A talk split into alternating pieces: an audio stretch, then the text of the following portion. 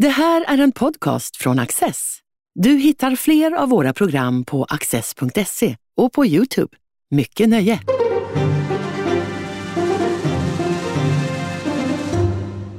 Välkomna till Studio Access och särskilt varmt välkommen till PM Nilsson, politisk redaktör i Dagens Industri till vardags som ska hjälpa oss att begripa vad som händer i svensk politik med särskilt fokus på budgeten som lades eh, för några dagar sedan. Här.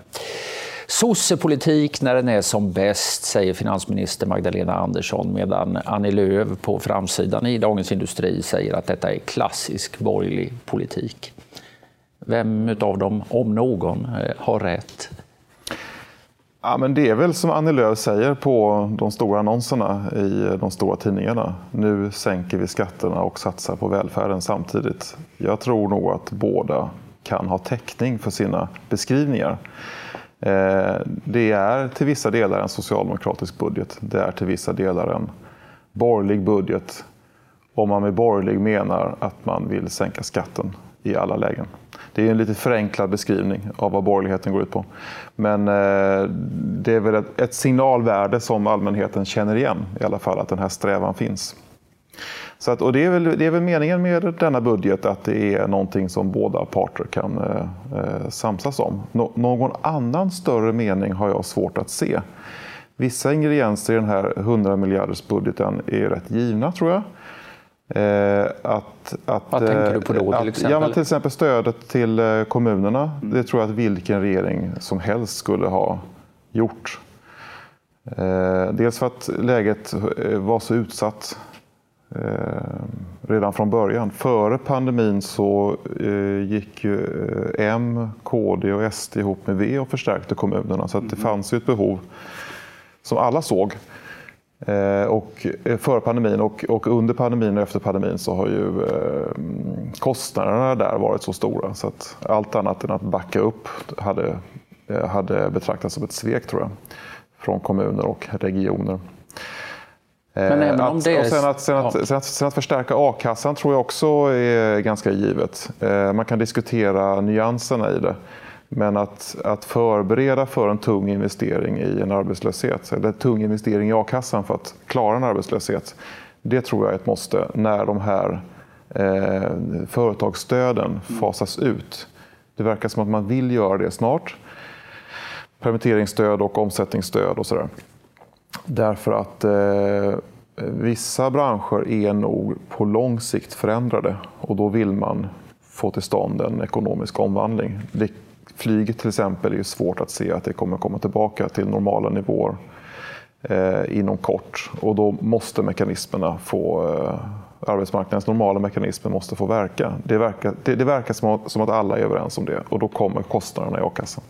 Så du tror att den arbetslösheten är oundviklig? Det är inte ja. så att de miljarderna hade kunnat användas till någonting som hade ökat sannolikheten för eh, att rädda sysselsättning snarare än att Nej, jag, jag tycker, som, som, som, jag tolkar ekonomin nu så, så finns det vissa sektorer som är eh, ohjälpligt på lång sikt eh, påverkade av epidemins verkningar.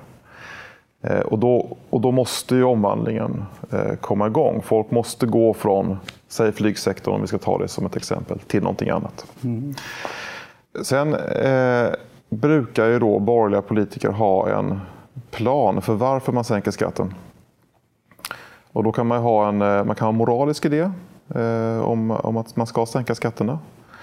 Man tycker att det är orättfärdigt att det allmänna bestämmer så stor del över de enskildas inkomster. Den, det argumentet har jag inte hört nu. Eh, I alla fall har det varit väldigt svagt.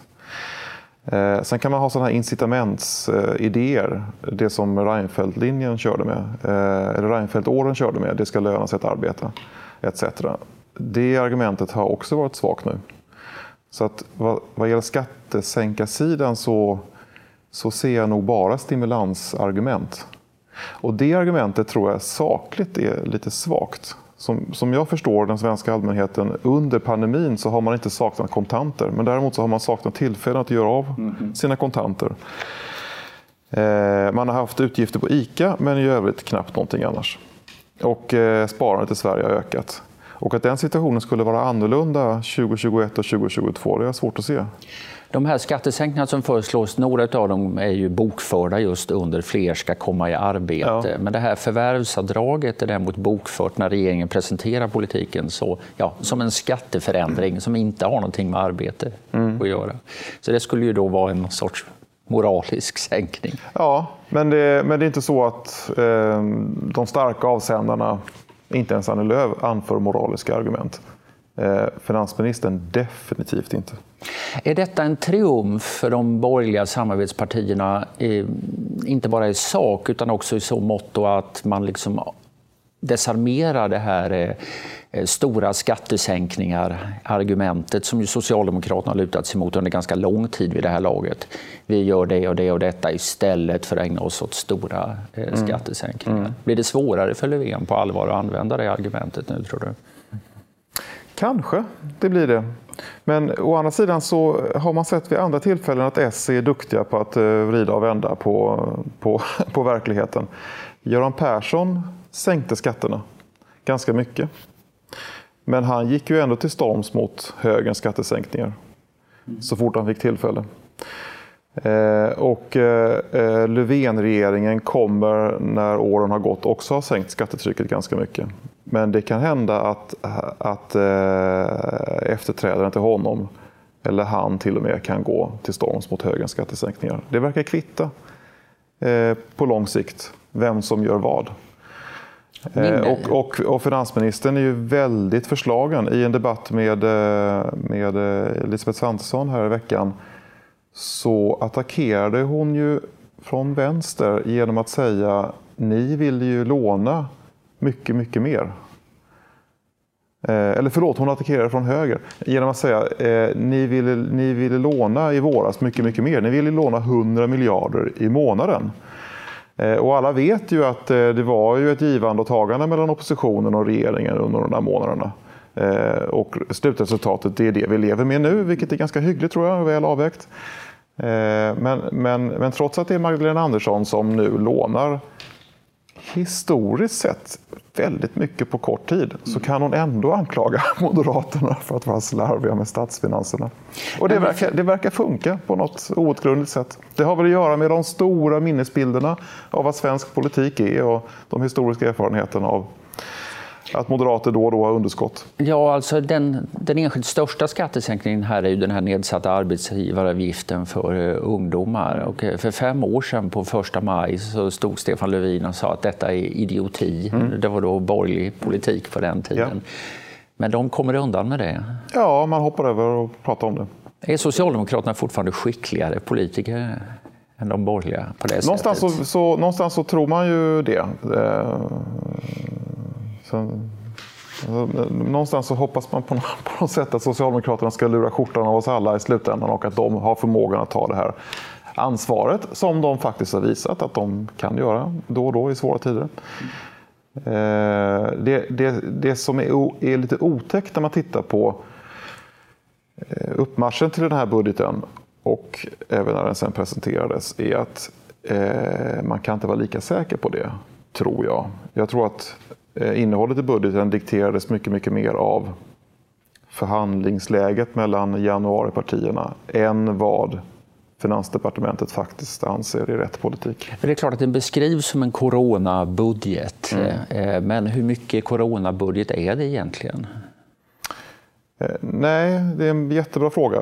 Eh, den corona, coronabudgeten är ju den vi lever med egentligen. Den har ju ändrats så väldigt mycket nu för innevarande år, 2020. Alla de här tilläggsbudgetarna ja, som kommer ja, i våren. Ja, massiva stöd till kommuner och regioner och stora stöd till företagen och sådär. Så det är ju en sann coronabudget. Sen om man tittar på den allmänna debatten under det här året och, och vad, vad partierna pratar om så har man pratat väldigt mycket om äldreomsorgen. Eh, och kvalitetsbrister där och det finns en stark önskan hos stora delar av befolkningen att investera mer i det. Det var inte så betonat i presentationen i alla fall av budgeten. Eh, det var inte så att man fick en känsla av att eh, det offentliga nu storsatsar på framtidens äldreomsorg. Och så. Det skulle kunna vara ett corona, en coronaeffekt. Eh, utan eh, det är ju mer kortsiktiga stimulansåtgärder som möjligen kan hänföras till corona. Men vi får hoppas att vi inte har en så svår situation vad gäller både epidemi och epidemiekonomi 2022 eh, då den här eh, coronabonusen ska falla ut. Som Liberalerna fick igenom, som har omvandlats till någon slags midsommarmuta som ingen begriper. Som ska komma där på försommaren? Ja, det är ett jobbskatteavdrag som ska betalas ut i klump. Ja. Mm. Jag har aldrig hört något talas om något liknande. Det är Liberalernas stora eh, ja, förhandlingsseger i den här ja. budgeten. Mm. Samtidigt är det väl sannolikt förödande för Liberalerna att sitta kvar i det här januarisamarbetet eh, på sommaren 2022. Ja, eller så är det ett, en inlåsning.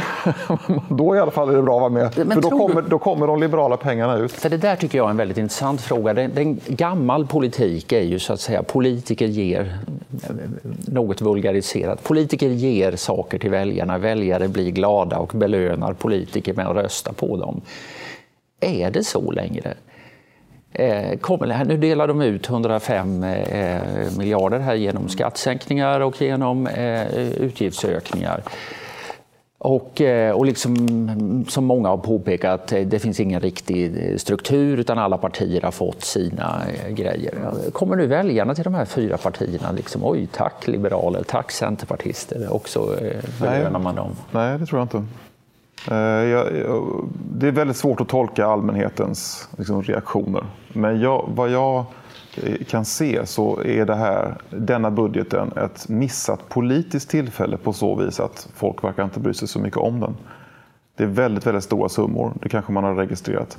Men den ligger så, dess fokus ligger så långt ifrån vad man i övrigt pratar om. Det är helt andra frågor som handlar om säkerhet i vid mening som man pratar om. Eh, och denna budgeten eh, är då, har helt andra teman. Så att jag, tror, jag tror inte att man klickar i varandra. Sen, om man ser, sen, hur, det, sen, om man ser hur det har ja. fallit ut, liksom vad, vad den innehåller. Mm. Säger det någonting som vi inte förut visste om så att säga, maktförhållandena mellan de här fyra partierna, två i regering, två överraskande, st överraskande stort utrymme för uh, samarbetspartierna tycker jag att det har varit. Och jag förstår inte riktigt det. Eh, rimligen så borde eh, S ha mycket mer att sätta emot. Om nu L och C säger nej till fascismens offensiv i Europa eh, genom att gå till Socialdemokraterna så är det väldigt svårt för dem att gå tillbaka. Det borde, ju, det borde, ju vara, det borde rimligen vara omöjligt att göra det under den här mandatperioden. Eh, så jag, jag, förstår inte varför S är så rädda för att L och C ska hoppa tillbaka till det borgerliga lägret. Det kommer inte hända. Inte för C. Det tror jag är helt omöjligt. Och eh, L kanske letar tillfälle men, men även de har ju låst in sig i, eh, i, i det Björklundska argumentet så har hon bytt partiledare så det är kanske enklare att komma ur då. Men, eh, men Björklund var ju jättetydlig med att eh, han ville undvika en, eh, som han bedömde, mycket, mycket farlig politisk utveckling. Och det är den utvecklingen, det vill säga KD, M tar makten av SD, som är alternativet för L att bejaka ifall man inte ska vara med, med Socialdemokraterna. Så egentligen har de ingen leverage kvar menar du? Eh, nej, egentligen så borde S ha mycket större utrymme. Men om man tittar på budgetens utformning så verkar ju eh, C och L ha fått igenom det de, det de vill. Ja, de har fått varsin grej i varje fall. Ja, Sen är det lätt med lånade pengar. Man lånar ju till typ allt. Ja, eh, så, det, så det är ju en, det är en väldigt speciell förhandlingssituation. Sen så kommer det inför valet så kommer det mer normala nivåer. Och, och då tvingas man kompromissa och kan inte göra allting. Och då kommer trycket på offentliga utgifter vara jättestort. Då, hela den här debatten som vi har nu om eh, situationen vad gäller kriminaliteten, den, den tror jag bara kommer tillta. Ja, och, måste... och, och, där, där finns det ökade utgifter, vem man än är. Om man är moderat eller sosse, det kvittar. Det, det offentliga måste ta ett mycket, mycket starkare grepp och det kost, kommer kosta pengar. För du nämnde det här ett förlorat politiskt tillfälle. Och, och en sak som verkligen jag tycker var förvånande, det är att just de frågor som står i centrum eh, för liksom den allmänna debatten mm. och föreställer jag mig hos väldigt många väljare som har att göra med eh, brottsligheten, mm. inte minst. Mm. Den lämnas ju nästan helt därhän i den här budgeten. Det är, det är lite tillskott till migrationsdomstolarna och i övrigt är det ja, nästan ingenting. Åklagarmyndigheten eh, varnar för att de kan behöva sparka åklagare eh, som ett resultat av den här budgeten. Mm. Och det, det, ärendemängden har ökat, det behövs fler domare, det finns inga pengar till dem heller. och sånt här. Hur tänker de? Varför kan det bli på det här sättet? För det här kommer de rimligen att få äta upp hundra och en gånger eh, framöver. Så ur ett rent, vad ska man säga, ja, vi pratade om att Socialdemokraterna kanske är skickligare politiker fortfarande. Eh, är de verkligen det? För det hur... Nej, men det, det, det, det, är svårt att förstå. Eh, men nyckeln är kanske att januariavtalet har frusit det politiska ögonblicket eh, där i januari 2019. Eh, och att det viktigaste för dem som gick ihop i samarbetet var att flytta spelplanen bort från allting som hade med Sverigedemokraterna att göra. Eh, och, eh, och SDs livsluft är ju migration, brott och straff, känslan av osäkerhet. Mm -hmm. Och, eh, och, om man föreställer sig hur, hur Annie Lööf navigerar i det här landskapet så vill ju hon bort från de frågorna och satsa på företagande, ungdomsarbetslöshet. Eh, och S delar den, eh, den bedömningen. De har bara att förlora på att brott och straff dominerar debatten. Och det, det tror jag faktiskt spelar roll.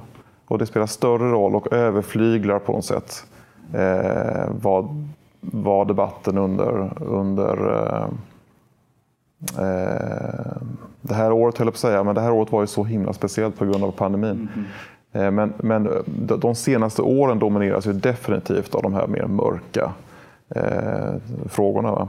Ja, tittar man på sådana här tabeller över vilka frågor tycker väljarna är viktigast, eh, det finns institut som ställer den frågan eh, löpande, då får ju vården en gigantisk topp i april och, och kanske maj. Men nu är den nere under, återigen, dessa, eh, mm.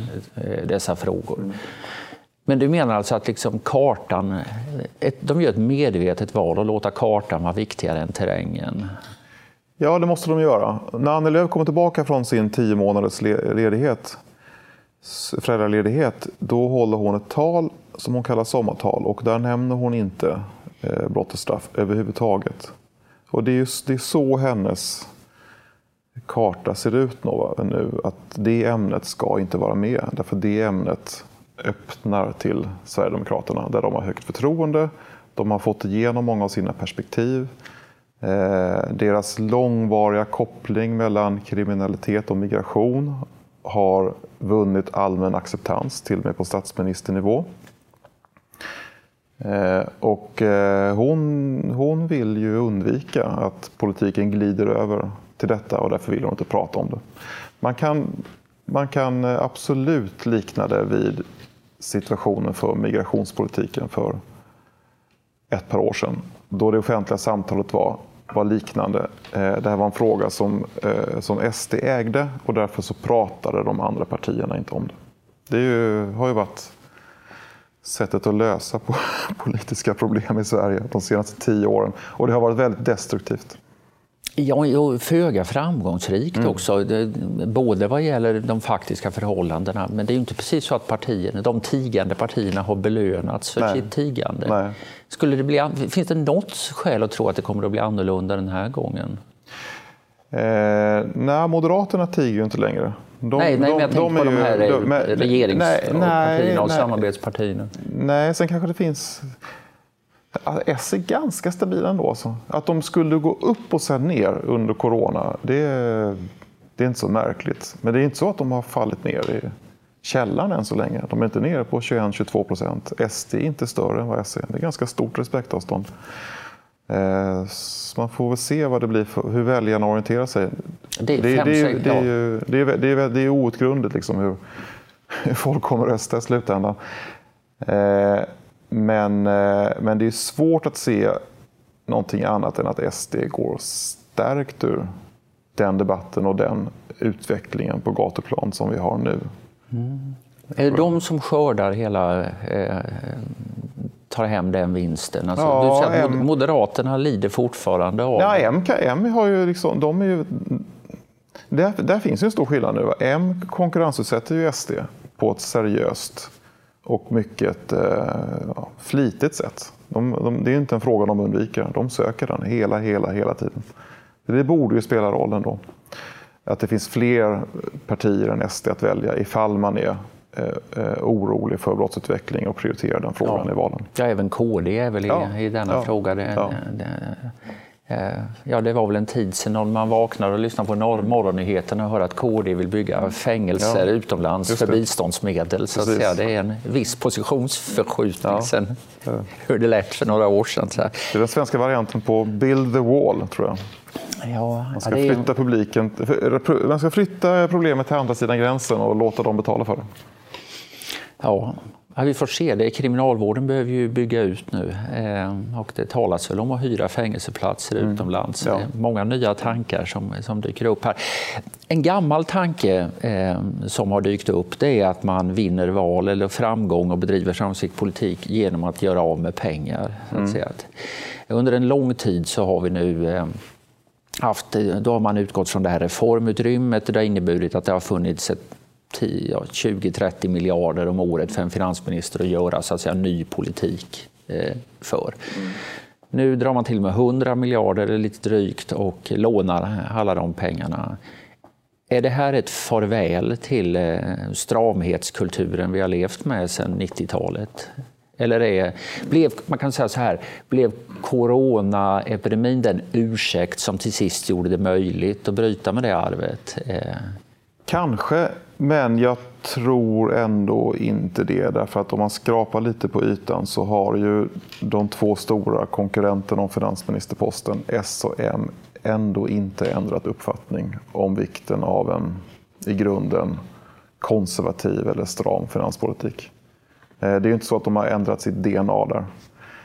Det finns rörelser inom S eh, som på allvar kan ändra detta. Eh, reformisternas offensiv, eh, starka debattörer som eh, det är någon sorts Daniel, Daniel Suhonen. Och sådär. Ja, ja. Där man, där man, en vänsterfalang då som, som driver detta som en huvudfråga måste man säga.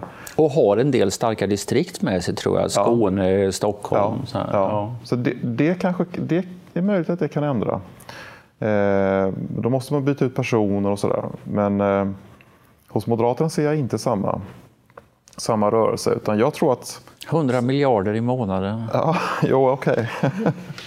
men det var ju en exceptionell händelse. Men, men eh, nej, jag, jag, skulle bli förvånad ifall Sverige...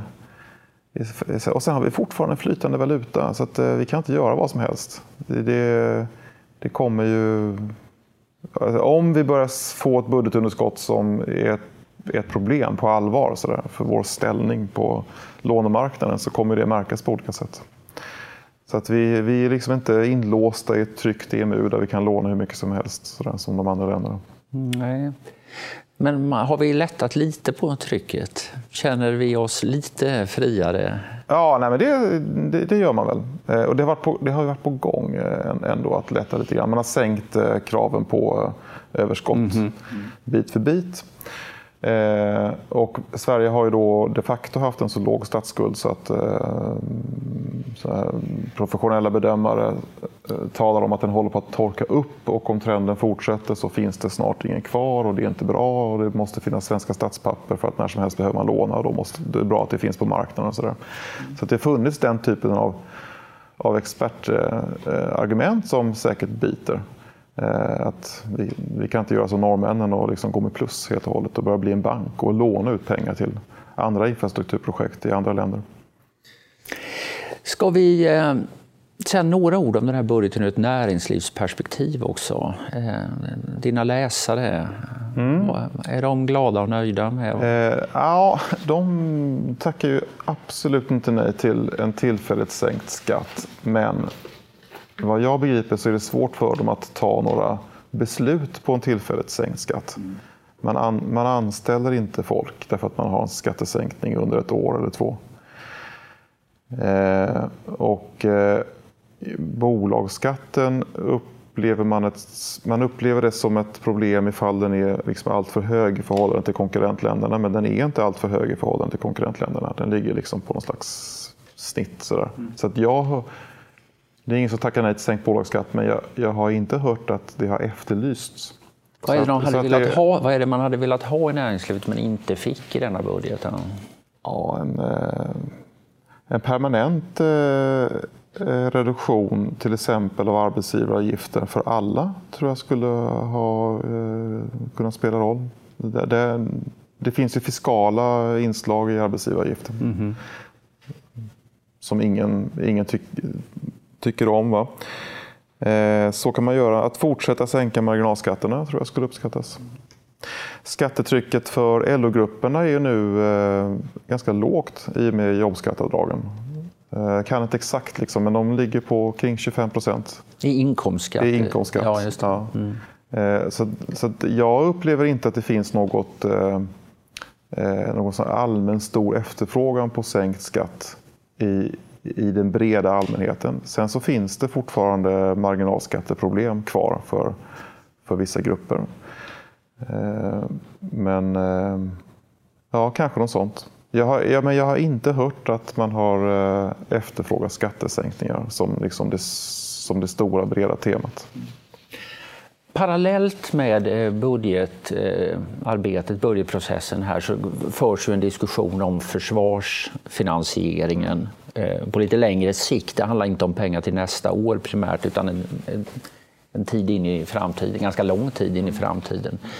Eh, men det har ändå haft med budgeten att göra på så sätt att under ett tag så talades det om att man, eh, det var så låst i försvarsdiskussionerna att man skulle behöva, eller att regeringen ville hantera försvaret ettårsvis i budgeten bara och inte lägga någon inriktningspropp för försvaret. Nu kommer det att komma en sån. Ehm, eh, men eh, de här nivåerna som anses behövas för att uppfylla försvarsberedningens förslag, de är inte där. Eh, inga utfästelser om det. Däremot har man fått någon sorts kontrollstation tydligen som man är överens om. Dock efter nästa val. Mm. Du har skrivit mycket om försvarsfrågor. Vad är dina tankar kring detta? Ja, dels så tycker jag att försvars, försvarsekonomi är så komplicerat. Så att det, det, det, det, det är svårbedömt. Eh, nu verkar det som att ÖB får tillräckligt mycket pengar för att eh, utföra den uppgift han är ålagd. Fram till som du säger 2023. Därefter vet han inte. Han har sagt tidigare att han behöver veta för att veta vad han ska göra. Även nu direkt. Eh, men där verkar det som att främst Finansdepartementet bromsar och inte anser att denna eh, upprustning av försvaret är nödvändig. Och då får man väl tolka det som att Socialdemokraterna inte delar viljan riktigt ändå, trots denna kraftfulla försvarsminister och trots utfästelserna och sådär. Eh, inom S så verkar det vara så att det som Magdalena Andersson uttrycker gång på gång Eh, om man tvingas välja mellan välfärd och försvar så är det såklart att man satsar på kommuner och regioner om man är socialdemokrat. Så att eh, försvaret har väl det här kvarvarande problemet att eh, man, man, man vet inte riktigt och det, det kommer nog uppstå eh, underfinansierade hål och så framöver. Därför... Det är som du säger, att försvarsekonomi är ju en djungel, ytterst svårbegriplig. Ja, omöjlig. Men, eh, men man föreställer sig om han får grönt ljus och så planera som om du skulle mm. få de här pengarna och han då gör jättestora materialbeställningar. Mm. Ja, då är de pengarna uppbundna och så kommer det sen inte nya, då finns det inget kvar mm. för att bedriva någon verksamhet. Det måste ju vara hotbilden. För... Ja, och sen är ja. omvärldsutvecklingen är ju så snabb. Om om Trump eh, väljs nu igen, eh, då får man får verkligen se vad en Trump 2 gör. Men det kan ju hända, oberoende vad Trump 2 gör, att man i Europa och särskilt Tyskland eh, tvingas göra en stor revidering av vad de amerikanska säkerhetsgarantierna är värda. Eh, och det kommer ha en jättepåverkan på hur vi eh, utformar försvaret och hur mycket medel vi anslår. Just nu så håller vi på att rusta upp för att kunna sköta åtagandena vid ett värdlandsavtal mm. till exempel. Eh, därav dessa lokalskyttebataljoner som man ska bygga upp. Vi ska bevaka vägarna så att amerikanska trupper kan eh, fraktas mellan Trondheim och Sundsvall och mellan Göteborgs hamn. Det är de här och... nya regementena i ja. Östersund ja. och Sollefteå ja. eller vad, vad det nu blir. Kristinehamn. Eh, och, eh, eh, och sen så säger man hela tiden tillsammans med andra skall vi etc. Och den där tillsammans med är ju USA som man räknar med. Mm. Och, och, och, om de viktiga europeiska länderna eh, i, nu under vintern här eh, tänker sig annorlunda vad gäller det här, då, då har vi en helt ny spelplan. Eh, och eh, och då, då, är det ju då är det önskvärt, önskvärt om det finns en politisk vilja i Sverige att dels tänka om och tänka mycket, mycket mer och mycket, mycket större. Så att, så att omvärlden är ju liksom inte planerbar på så vis att en svensk kontrollstation 2023 är värt något. Utan det som är värt något är den politiska viljan. Eh, och, och den är definitiv inom de gamla allianspartierna, mm. definitiv inom SD, finns inte ett frågetecken. Men på vänsterkanten så gör det ju det. Det skulle ju då vara hoppingivande inför den här kontrollstationen, för det verkar väl sannolikt att de här eh, partierna eh, du nämner tillsammans eh, har en majoritet i riksdagen. Mm. Men man vet aldrig hur regeringskonstellationen Nej, de har ju en majoritet. ser ut. Nej, ja, de har ju en majoritet nu, nu. Ja, precis. Ja. Ehm, nej. Nej, jag vet inte om de darrar av fasa i Kreml över en kontrollstation 2023. Jag är inte Nej. säker på det. Nej. Sista frågan.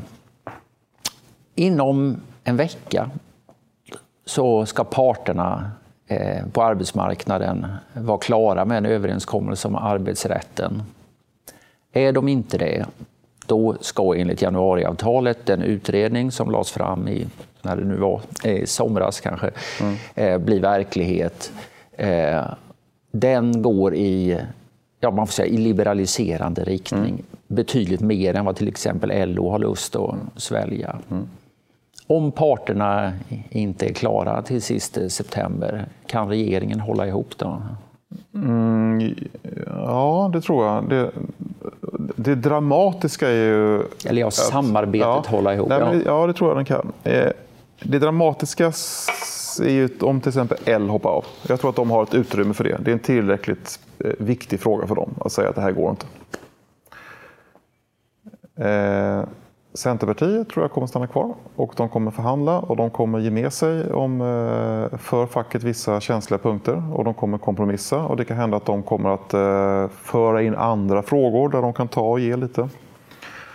Eh, och, och eh, januari-samarbetet, eller Löfvenregeringen hänger ju inte på att L sticker utan de är ju kvar där. Den besvärliga omständigheten är då att om man räknar rätt nu här, att de måste förankra sin budget hos V. Och det är ju svårt för C att stå ut med. Men i någon slags allmänpolitisk mening så, så har ju vänsterpartister och centerpartister inte så svårt för varandra. Sen tycker de olika, men eh, det, det stora avståndstagandet är ju fortfarande mot SD och i och med att det är så så eh, tror jag att de kan förhandla sig fram i denna frågan. Så att nej, jag tror inte att regeringen faller på detta. Regeringen kan falla på Preem snarare. Eh, för det är en väldigt stor sak att MP kliver av. Det är ju, det är ju, eh, eh, de sitter ju i regering. Och då tvistar de lärde ifall det behövs en talmansrund eller inte. Mm. Det finns olika uppfattningar om det. Ja. Och om det behövs en talmansrunda så är det inte säkert att V säger nej. Förlåt, säger ja på samma sätt som man gjorde i januari 19. En spännande höst ligger framför oss. PM Nilsson, stort tack för att du har varit med. Tack. Du har just lyssnat på en podcast från Access. Du vet väl att vi också är en tv-kanal och tidning? Teckna en prenumeration idag på access.se.